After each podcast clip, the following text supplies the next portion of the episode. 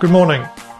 My name is Wilhelm, and this is the 21st episode of the Nordnordost podcast, and the ninth episode if you're following the track in English. With me tonight, whoops, uh, with me today I have Alex from the US. Would you like to make a quick introduction of yourself, Alex? Hey there, strangers. I am Alex Wingle. I am from Portland, Oregon. And I just want to say, Will, I was pretty, uh, it was pretty humorous that you said today and tonight because it quite literally is this morning and this night based on our conversation. Yes, uh, uh, eight hour time difference, something like that. So I'm in the evening and uh, you have just gotten out of bed, I suppose. Yeah, I was, uh, I was up since uh, five. I've been, uh, changing up my sleep habits. I've been having a lot of less caffeine. So, uh, you know, my sleep schedule is a lot better than it used to be uh, earlier this week. And we actually have spoken before. I was a guest on uh, the Mom's Basement podcast a while ago, and after that we reported recorded uh, well, uh, sort of an episode of uh, my podcast.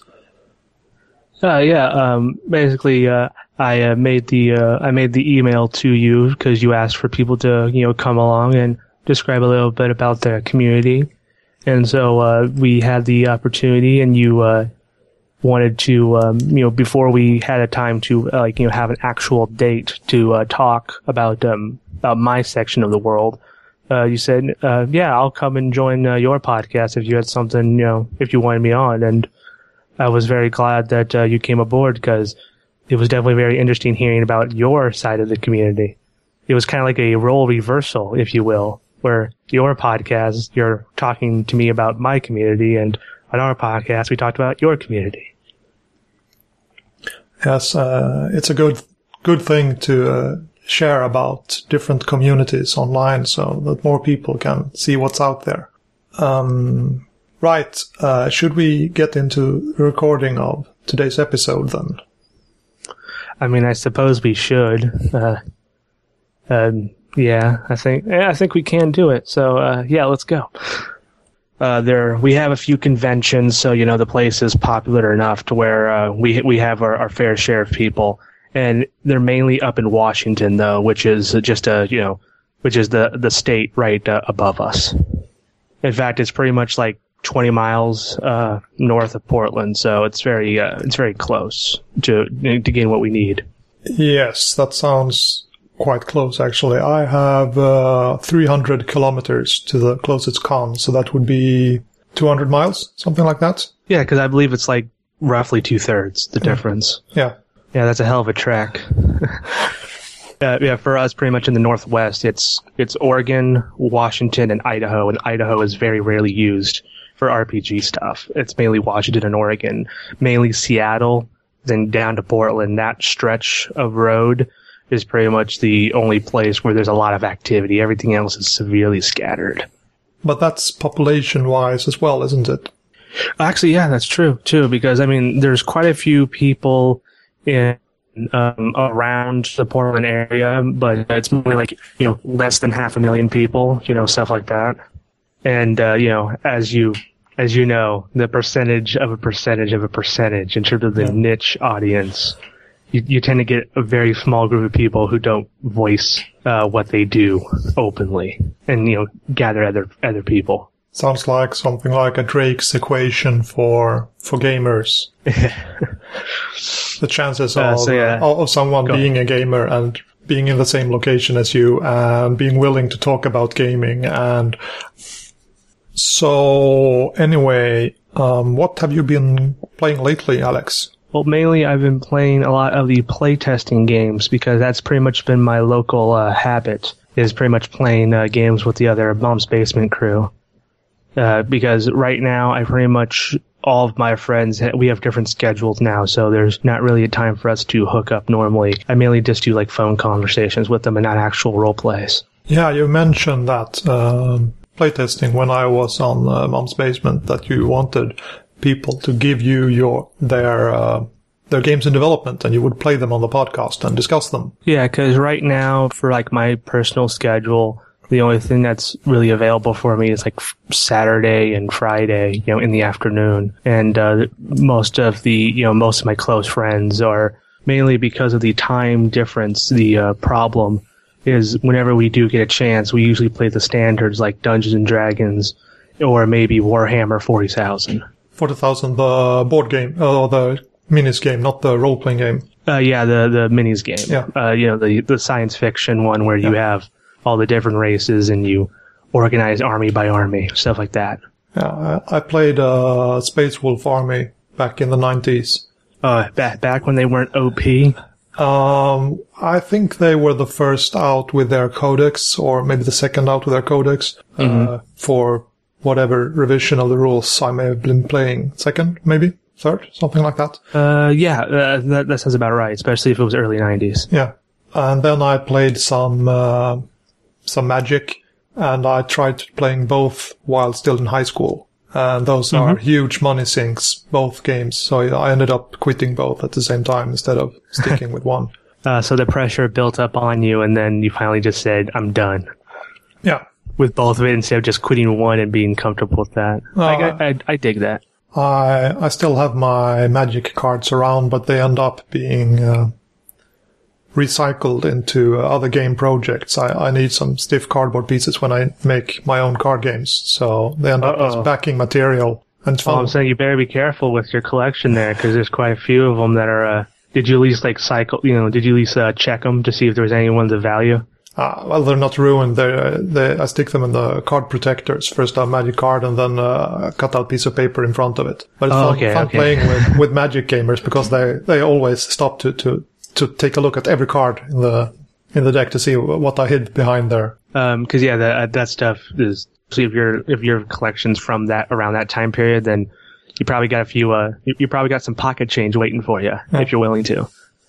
Uh, All you. Well, I'm going to start talking about more of the conventions that we do now, since uh, you know I gave a little bit of example of like the location. It's kind of you know scattered in general, but uh, we do uh, inside the actual Portland area. We do have quite a few uh, gaming groups. Well, one example is there's like roughly, um, especially near the downtown area of our location. There's two major stores that do a lot of uh, gaming. We mainly use um, you know central locations for um for most of our gaming stuff, and after that, it's all you know in house. Uh, you know, try and find somebody to play a game with. One of them places is uh, called Red Castle. The other one is called Guardian Games, and uh, those are mainly the the two hot spots to uh, play your board games and your role playing games in general. Yeah, I understand that uh, in the US gaming culture, it's quite common that the groups are held together by uh, a game store. They they don't they only meet at the game store and they meet there to play, as opposed to the way it looks around here that we always almost always meet at the house of someone uh, and play in people's homes. Yeah, and a lot of the times it's mainly just it's not based on like you know oh I don't want you coming into my house. It's more just this is a, a central location that makes it very easy for us to uh, you know get to, and because it's like-minded individuals, they're not going to be doing the uh, the the social norms of uh, you know like you know barging in, interrupting, and all that kind of stuff.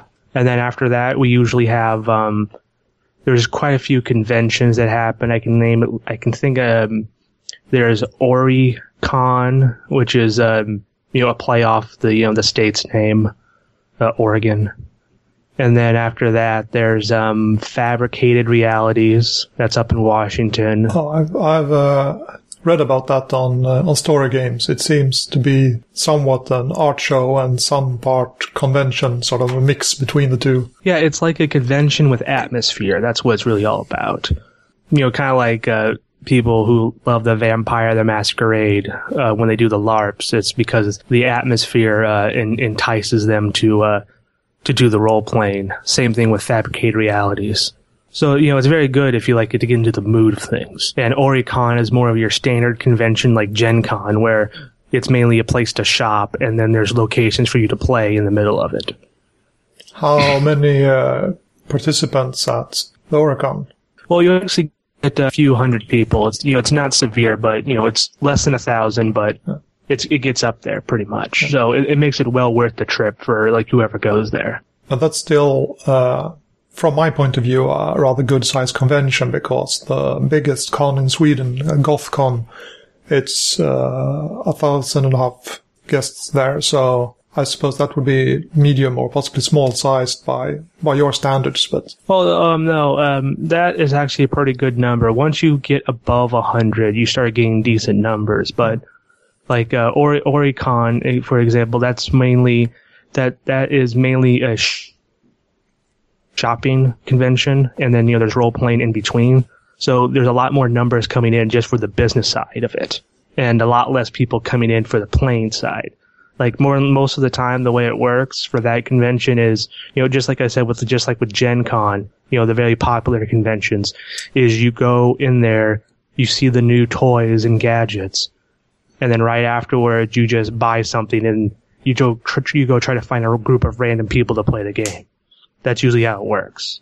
But yeah, in terms of sizes, yeah, it's pretty respectable. I, I wouldn't, you know, I wouldn't, you know, you know, put a banner up saying we're the greatest, you know, uh, convention in the world because it's just by size alone. But it's definitely, it definitely tells you, you know, it helps you get what you need. You know, you know, you need to get a game and you need to get people to play with, and that'll help suit both things in terms of convention styles. But those kind of conventions, those are those are pretty much the two major ones and there's very you know there's a few uh, extra ones going all around like there's the pdx convention that goes on every now and then. You know um yeah things like that. It's it's it's like there's there's just the the idea altogether is our style of community is very is very scattered with a few central locations. Uh, a few weeks ago, there were discussions on uh, the German parts of Google Plus about what you should have on your convention website for to attract people to visit your convention. I said uh, you should post pictures so we can see what the previous cons have been about. Because even if a con always is sort of the same deal, gamers from come in, uh, they want to do gaming, they want to uh, meet people, they want to play some games, maybe do some shopping. Every convention develops its own style or feel after a while. So even if it's the same deal, it often feels very different depending on which con you visit. mm-hmm.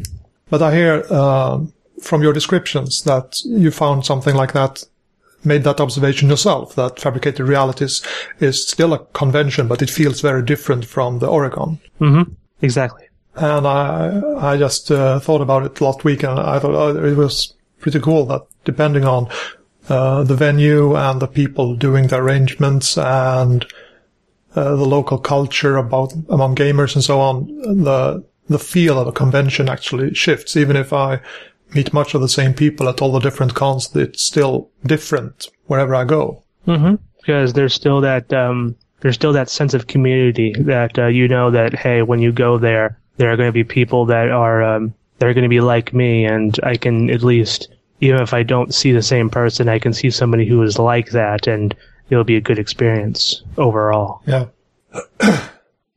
Yeah, that makes it interesting here because there's different things I can I can bring up here because you know the conventions and like you know some of the local stores though where the sa- main focus points.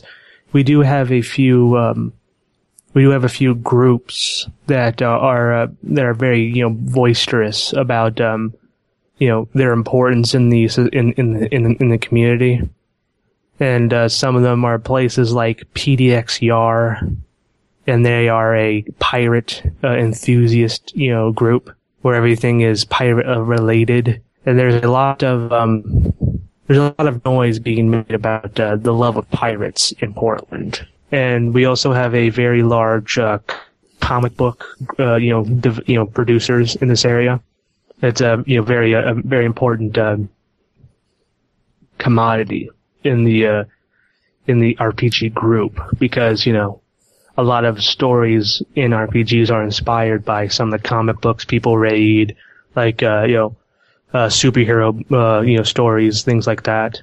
Uh, cross pollination between different spheres of geekdom. Oh yeah, yeah. I should definitely have mentioned that uh, beforehand. Uh, you know, before continuing the conversation, because that's really a key for a lot of the, um, a lot of the diversity in the group of why there's a lot of, you know, why there's not, um, many, uh, central locations for our group is because a large percent of the community is a mixture of many different, uh, you know, styles of, of what we love. And then because of that, that's the reason why there's not a lot of communication on like, um, like forums of where to go to to meet up.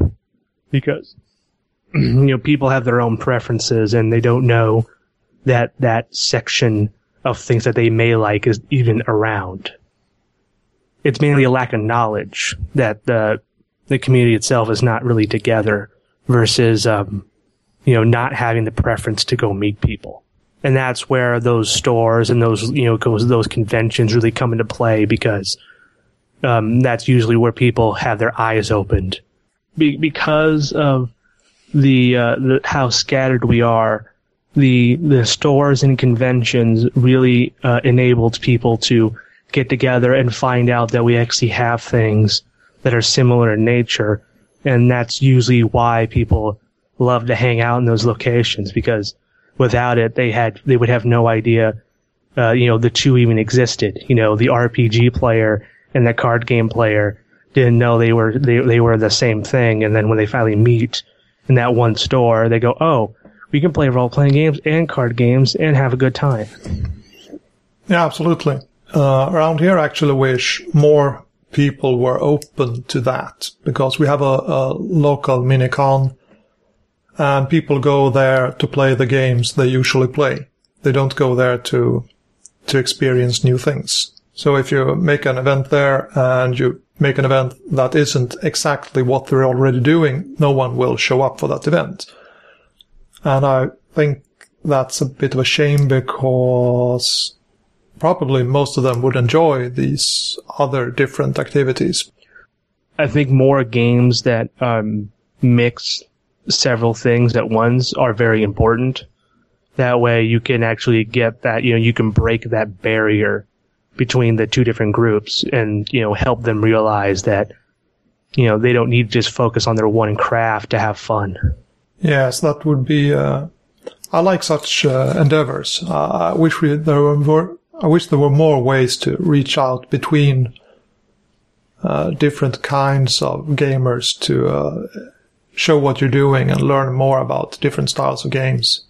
Because uh, what I wanted to uh, leapfrog off of, in terms of you know the crossing of the uh, genres, is I wanted to talk about um, one of the main things I wanted to get at, which was um, group think, and that's a style of um, is a social um, ideal behind uh, how things work, and it is very important to talk about with RPG um, and just other things that uh, our community likes to you know do, because it is quite the barrier that uh, prevents people you know from having fun. It, it you know it segregates the community. Okay, would you like to elaborate a bit on that?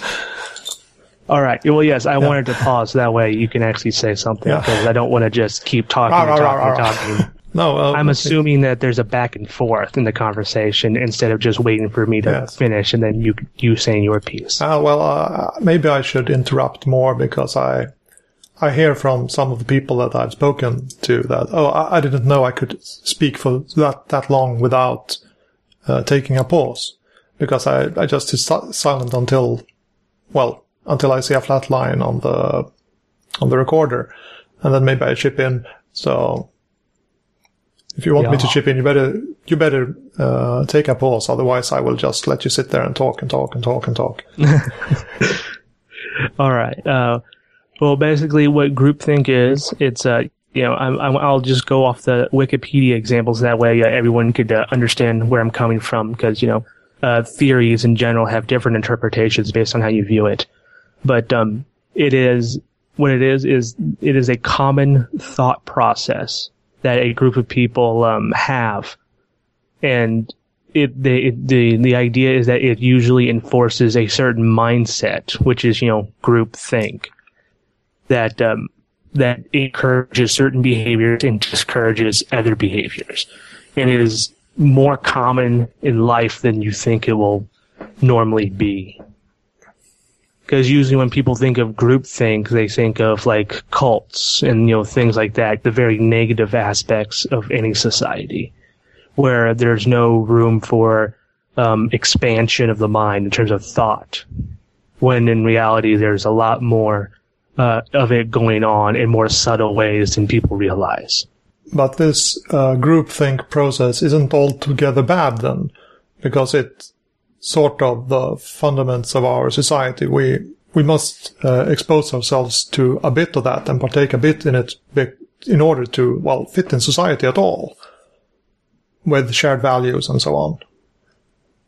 Yeah, see, because the positives of this style of thinking, uh, of this mindset, is that um, you'll have people who are on the same wavelength as you, who have the same understanding and uh, concepts of uh, how things work. So because of that, it's much easier to con- uh, conversate, to uh, understand each other. The negative aspect of it is because you are so focused on one set of ideals, it is difficult to approach new subjects.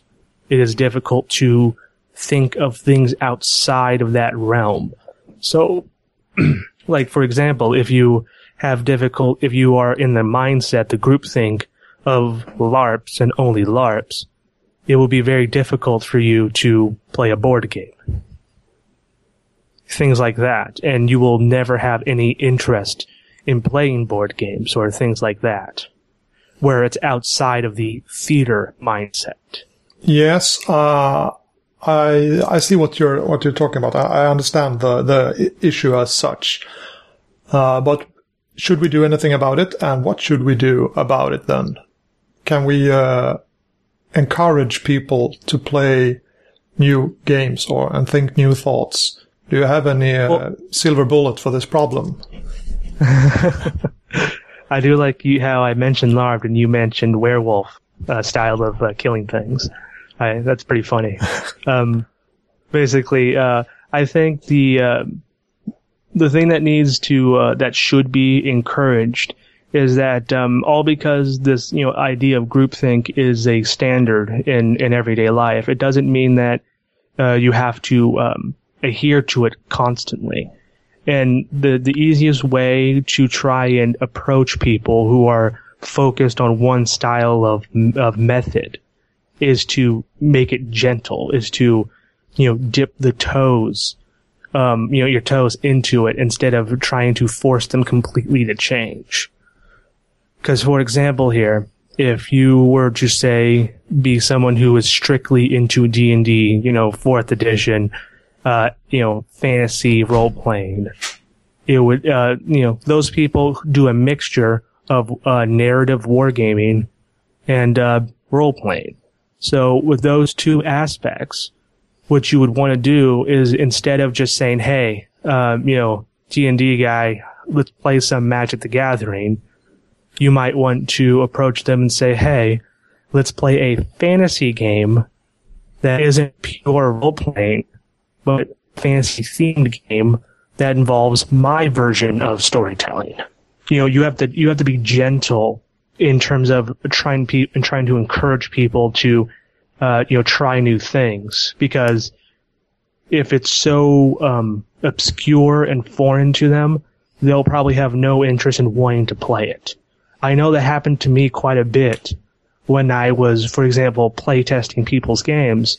That whenever the concept was so out there, so strange, I would be very inclined to not try it but because I I um I had the social group who was open to it, it made it a little easier to actually play it. So the first thing is get the game that doesn't um, that doesn't force change that often, and then number two have uh, try and play with people who are more open to things.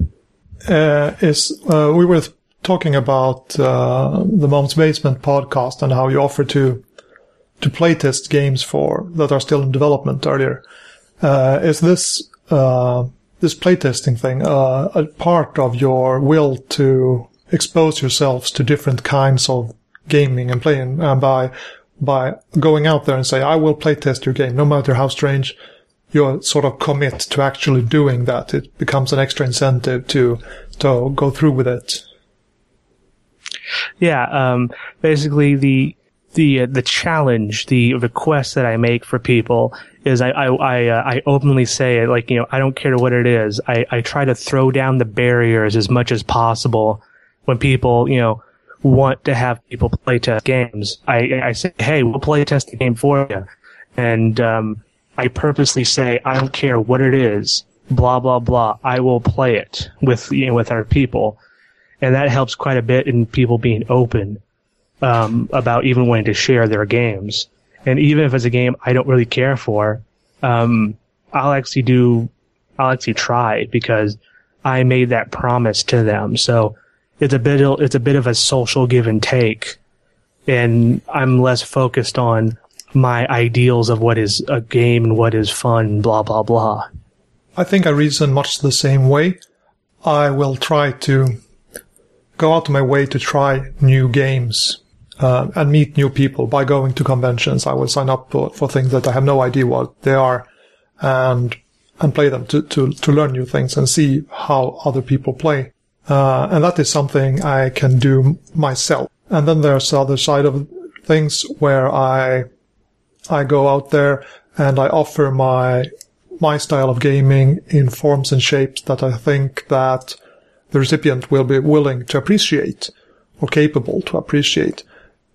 And uh, that is like the indie gaming lounge where we go to a convention and you can come there and say, "Oh, I'd like to play a role-playing game about knights," and we say, "Okay, let's play this game about knights." You probably never heard of it, but what I'm currently uh, wanting to do is to create an environment or situation or or something that will help other people to do this without my involvement something that will push a gamer into looking at a new game or some an enabler of sorts to uh, to spread more kinds of gaming out there.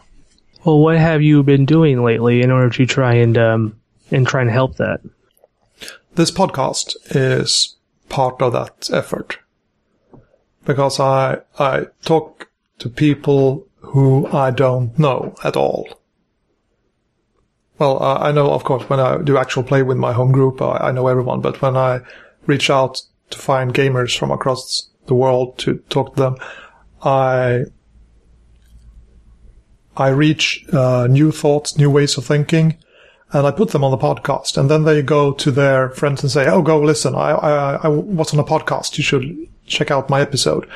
And when they do that, I hope they also look at the other episodes and maybe they are exposed to new thoughts and new ways of doing things through the podcast. Okay, so I, I that's definitely a good reason because that's that's a different that's a different style where instead of you trying to um you know convince them via your own words, you use the words of somebody else in order to um, you know have use the social trust instead of having to try and um instead of having to try and gently talk to them and they can uh, do listen on their own terms and they can analyze what's being said on their own terms in their own pace. And if it's something that they don't feel like at all, they can just react. They can stop the podcast and don't listen anymore. And if it's something that interests them, it, it gives them a lead, something to uh, to look further into, at least an idea of other things that are out there. Yeah, I agree because uh, th- that's more along the lines of what I've been uh, trying to do, or at least my what, what, my answer was, where you know you try to be gentle about it, and then you try to um, get social influence in order to help, because that's the benefit of groupthink, is that uh, because you're around people who have like-minded ideals, you're more inclined to believe them when they are influenced by somebody else. So when everyone is like, you know, when they are, you know, board game, board game, board game, only board games. We only can play board games, nothing but board games. And then one of them is more inclined to actually listen to other people and they hear something about a LARP that acts like a board game as well, or like a card game that acts like a board game. They're more inclined to tell their friend, and because they're all in the same mindset, they're more likely to actually try it because they have that trust within each other. And another aspect of this is something I can do do more uh, locally in my my own community. I have uh, house cons with with friends and friends of friends, and you sign up for the convention, but you don't sign up for games.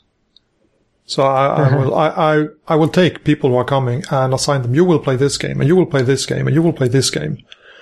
Uh, so they are, well, unfortunately, we are a rather uniform community from from the from the start. But but still, uh, you are sort of forced gently into playing new kinds of games, and uh, and I think that's good, even if uh, the experience wasn't that good. You say, oh, uh, well, I did that. I will never play that kind of game again.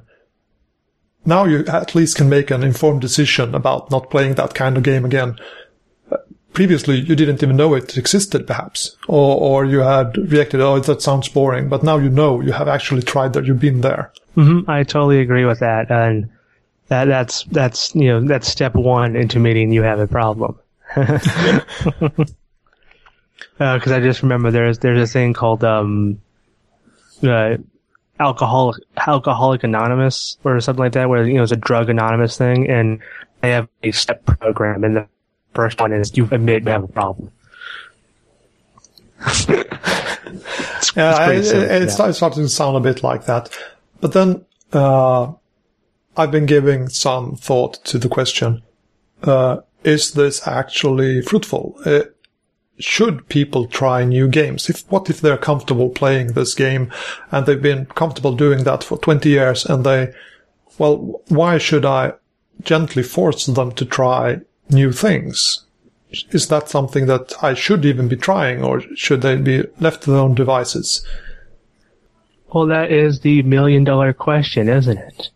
Because if you are, it, it it's always the the potential, the uh, the anticipation of something better, of uh, of an improvement in your life, and if the I know there's the old question of if you never knew something better existed, would you be better off? You know, would you be worse off without it?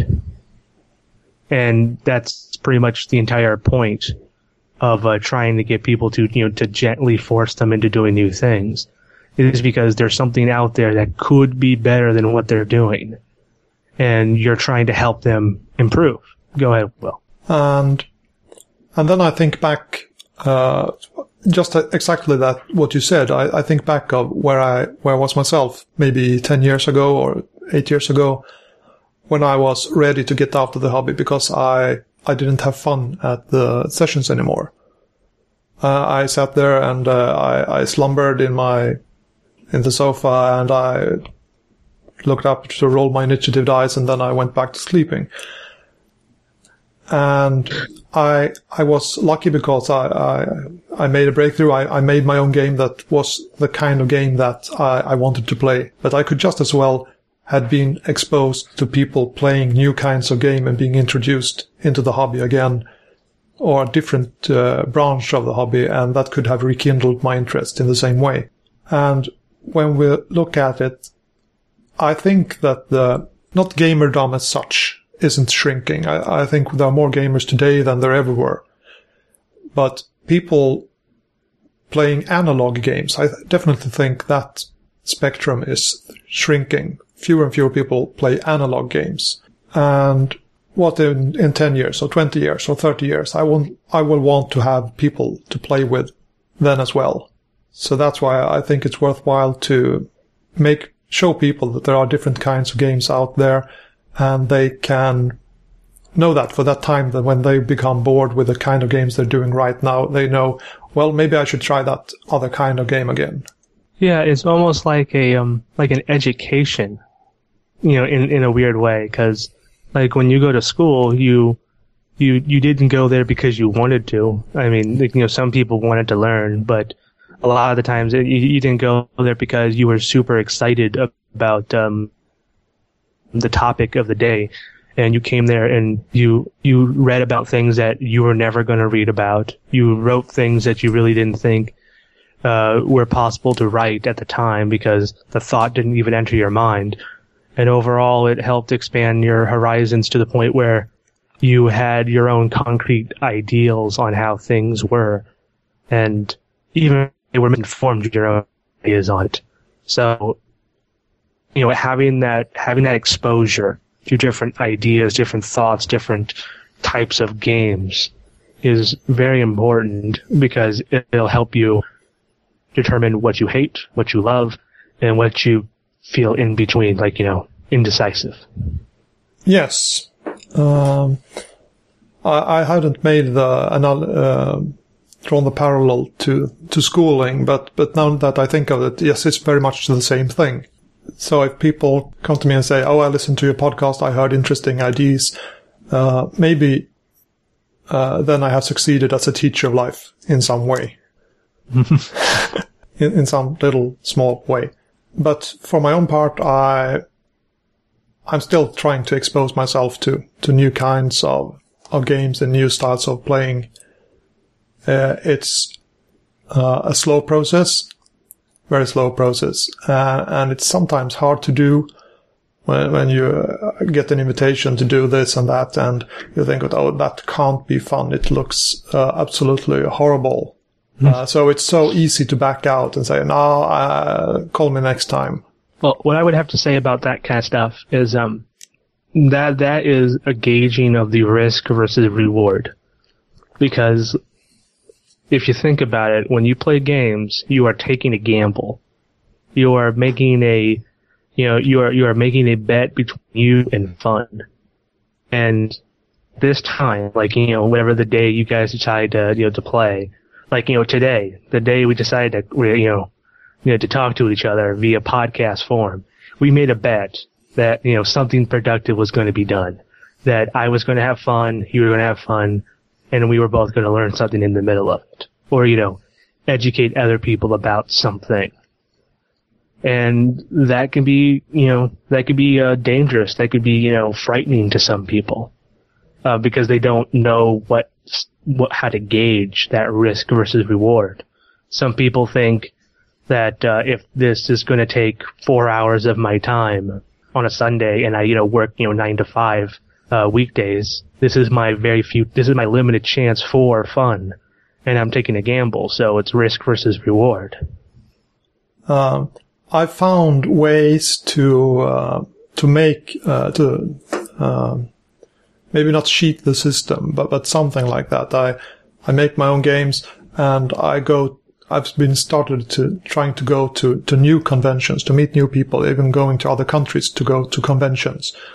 And to motivate myself to do this, I say, oh, I will go there and I will show them my games. I will play test my games with people who haven't heard about them before. But at the same time, I also expose myself to, to new environments and try, try new games. And when I think back, upon those trips that I made, I usually remember the the stuff that was new to me, uh, the, clearest, the strongest, and my own demos. The reason I actually went there, it's sort of well, it was another demo of this game, or I did another playtest of that game. Uh, it it was fun, but uh, it fades away so much quicker. Oh, so like you used it as kind of like an excuse. Yeah. Of like, I'm gonna go there and I'm gonna go there to, in quotes, play test my game, show it to other people. And then I'll go ahead, play it once, and then I'll go do all the other stuff that's around there. Exactly. Yeah, that's definitely another approach because there's, there's multiple, you know, it, it sort of is a thought process of uh, trying to, you know, convince yourself to do something new is it worth my time? Am I going to have the fun I need to have? Um, you know, what the heck? I might as well do it anyway, since I'll go, I'll go tell them something, and then I'll use that as a, as a, as a, uh, as a way to approach them with something to talk about. You know, it, it's kind of funny because if you think about it, this is the way you talk to people of like the opposite sex, of like if you want to, you know, date them or something like that. Go, I will. Oh, I was hoping you two would uh, elaborate a bit on, on, on the similarities there. Okay, yeah, I'll I'll I'll, I'll go on to it uh, because but I'm saying though it, it is pretty true because if you if you look at it, there's a there's a barrier between the sexes, between the male and female, and people have you know their own hesitations on how they think things should be approached. You know, they have their own group think on how things work in reality. So you have somebody who, who is like the shy person who's very nervous to talk to somebody. And you also have, as the, you know, the exact opposite, you have the person who's very open and um, very um, outgoing in nature. So both of them are going to have two different approaches on how they think something is worthwhile. They have their own risk versus reward. Uh, like the the shy person says, "This is probably going to be my only opportunity in life to talk to another person to you know to see somebody who I am interested in. And if I screw up this one moment, it, this will ruin me forever."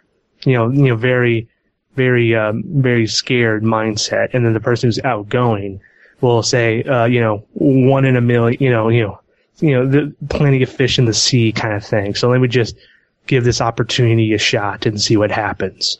You know, they use the, um, you know, they, they have their own methods and then the, I'll use this as an excuse to do something. I'll, uh, I'll have, uh, this will be a secondary bonus kind of thing if I can get my primary in, uh, first.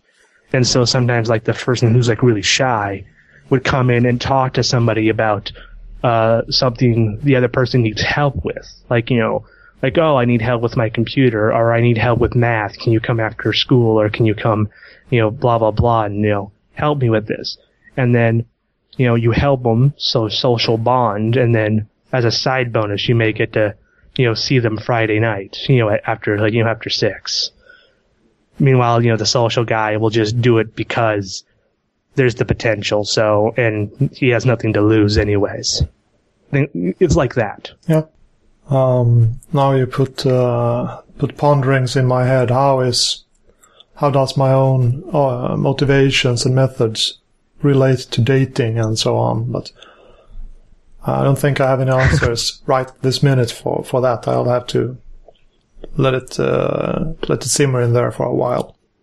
It's okay. We all uh, all of us have that issue, anyways. As you know, because because it is it, you're you're taking a gamble, and it's kind of just like you know, there there are many facets of life where that's the same situation. Is uh, no matter what you do, whether you're an athlete and you're taking a risk, you're taking a gamble of like you know lifting heavier weights than you're supposed to lift, or you know um, having the uh, the mental courage to like move that chess piece over to try and you know uh, you know do a checkmate or some some sort.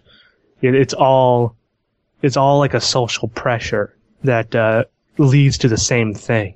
Like once you figure out the puzzle, it uh, it can be applied to everything, and this is just one form of the puzzle. Mm. So yeah, there you go. I mean, Um, some deep thoughts there. yes. Uh, I Oh, think, such a light topic. yes, I, I, I- I think this will be the, the deepest episode of my my my podcast this far. Oh, okay. Uh, So, but, but that's um, cool. Yeah. Um, is there anything else you'd like to talk about, like uh, you know, like my own personal habits? Because I, I described a little bit about the Oregon scene, you know, the Portland area, because that's pretty much what it is in a nutshell. There's really not much to explain outside of that. But um, you want to ask me like some questions just about me personally? Uh, yes. Um, now you're from the from the US. Uh, you speak English, so we have a huge overlap in the kinds of games, the the games we play actually. Uh, but but I still like to know uh, what are the games that you play well now, but uh, in in the last year or something like that. So we get a few to talk about. What what kinds of games are you playing? You mentioned 40k, the minis game. Mhm. Uh, Well, there's um, games like uh, Dominion, which is a collectible card game. Well, it's not collectible; it's a uh, it's a full set card game, and you uh, build your decks um, every turn until you earn enough points to like win, basically. Uh, that's one game. Um, the you know the Warhammer 40k. That's a tactical miniatures game. I I have quite a few collections myself because what I tend to do is I like to I like to look online to see like uh, like you know like check you know maybe eBay or like Amazon for random games in general, and that actually helps me quite a a bit in terms of uh, learning about uh, a few games. Because uh, what I would do is I would just go look online, you know, um, check the section for like card games, and then go by lowest price, and then see what kind of games show up. And then I go, oh, that's that's pretty cheap and seems you know pretty good. Let me go uh, take a look on about that game online because I didn't even know it existed. And then I check a little review, and I go, oh, that actually sounds pretty interesting you know, blah, blah, blah. Or even if it didn't sound interesting, the accessories in the game seem pretty good. So I'll just pick it up for the accessories. And then that helped me quite a bit in expanding like my own I- ideas on like how games should work and also just overall thought ideas.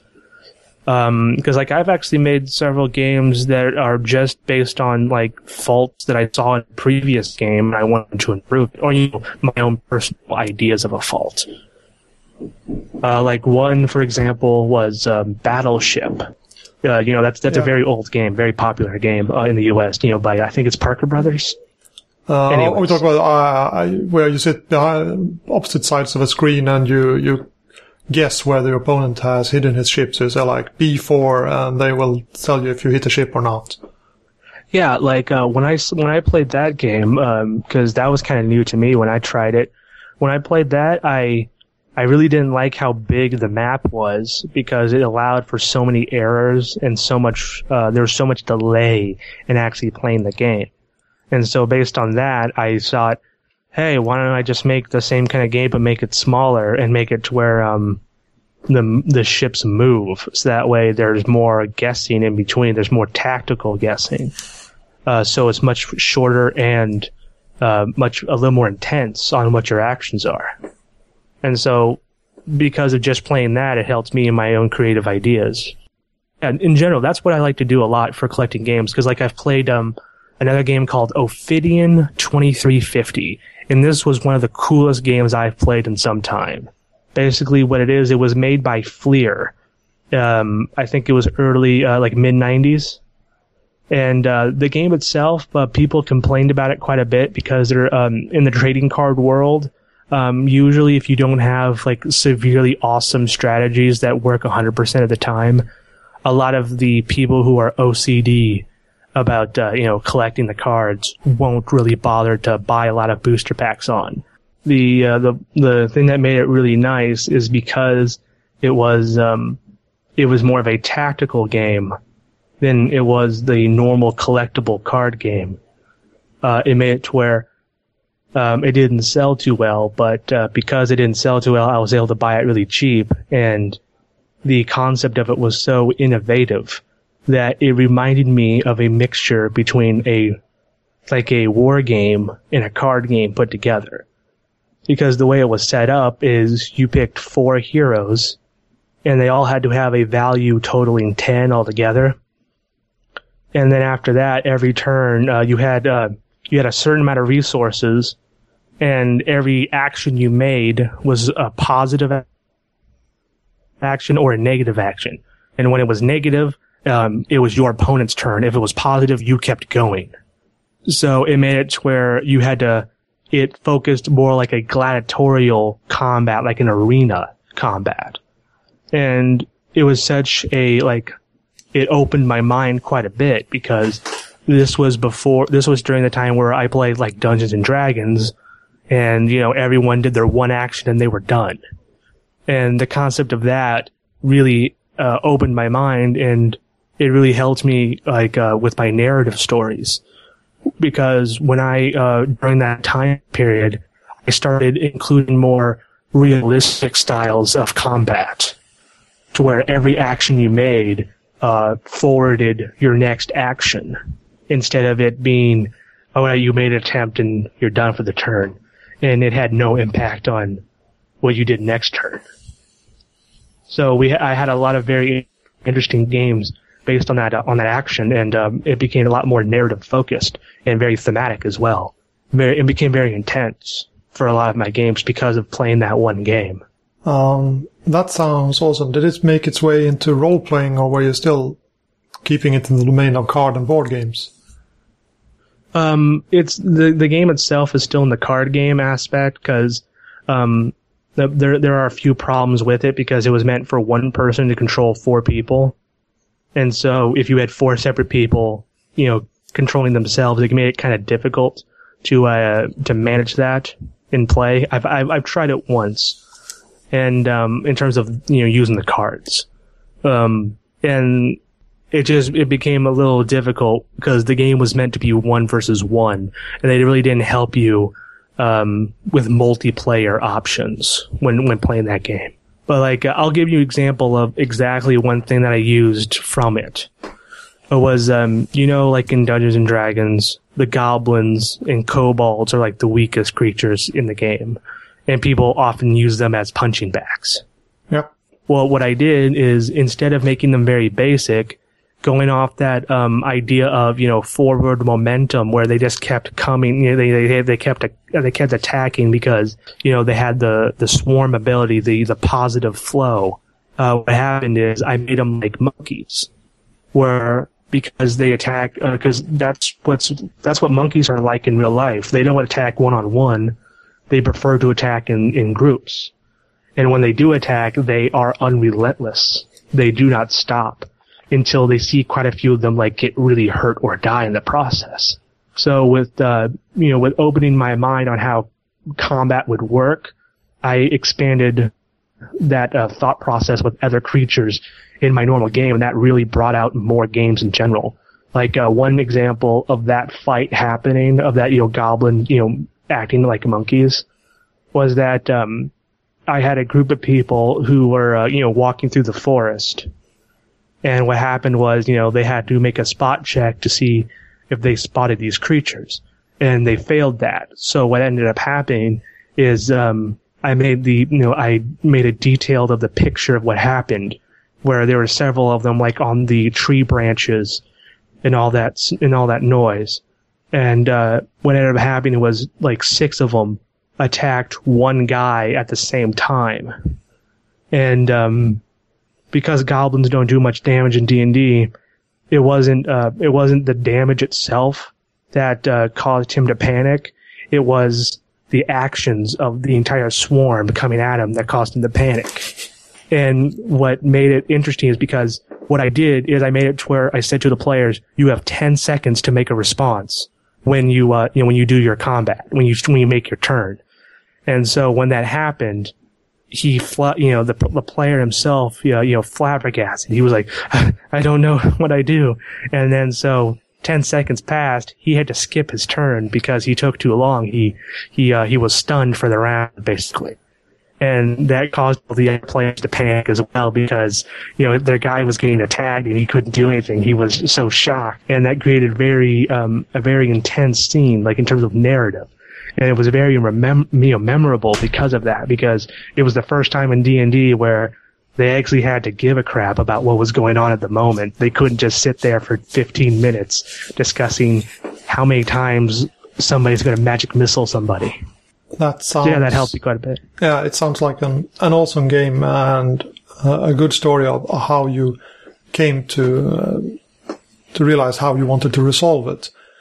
I can relate to this uh, buying the the cheap stuff off web auctions and reading games, playing lots of games to get to get a library of thoughts and ideas and solutions to problems that you can draw from uh, when you play other games later. Uh, on my on my blog, I do reviews of role playing games, and that whole thing started with uh, me looking at my my collection of over 100 games, and I thought uh, well, there's not enough time for me to play all of these before I die of old age. So which ones should I focus on? And I took the first few, down and read them and thought, what's unique about this game? What neat solutions can I, what neat solutions can I learn from this?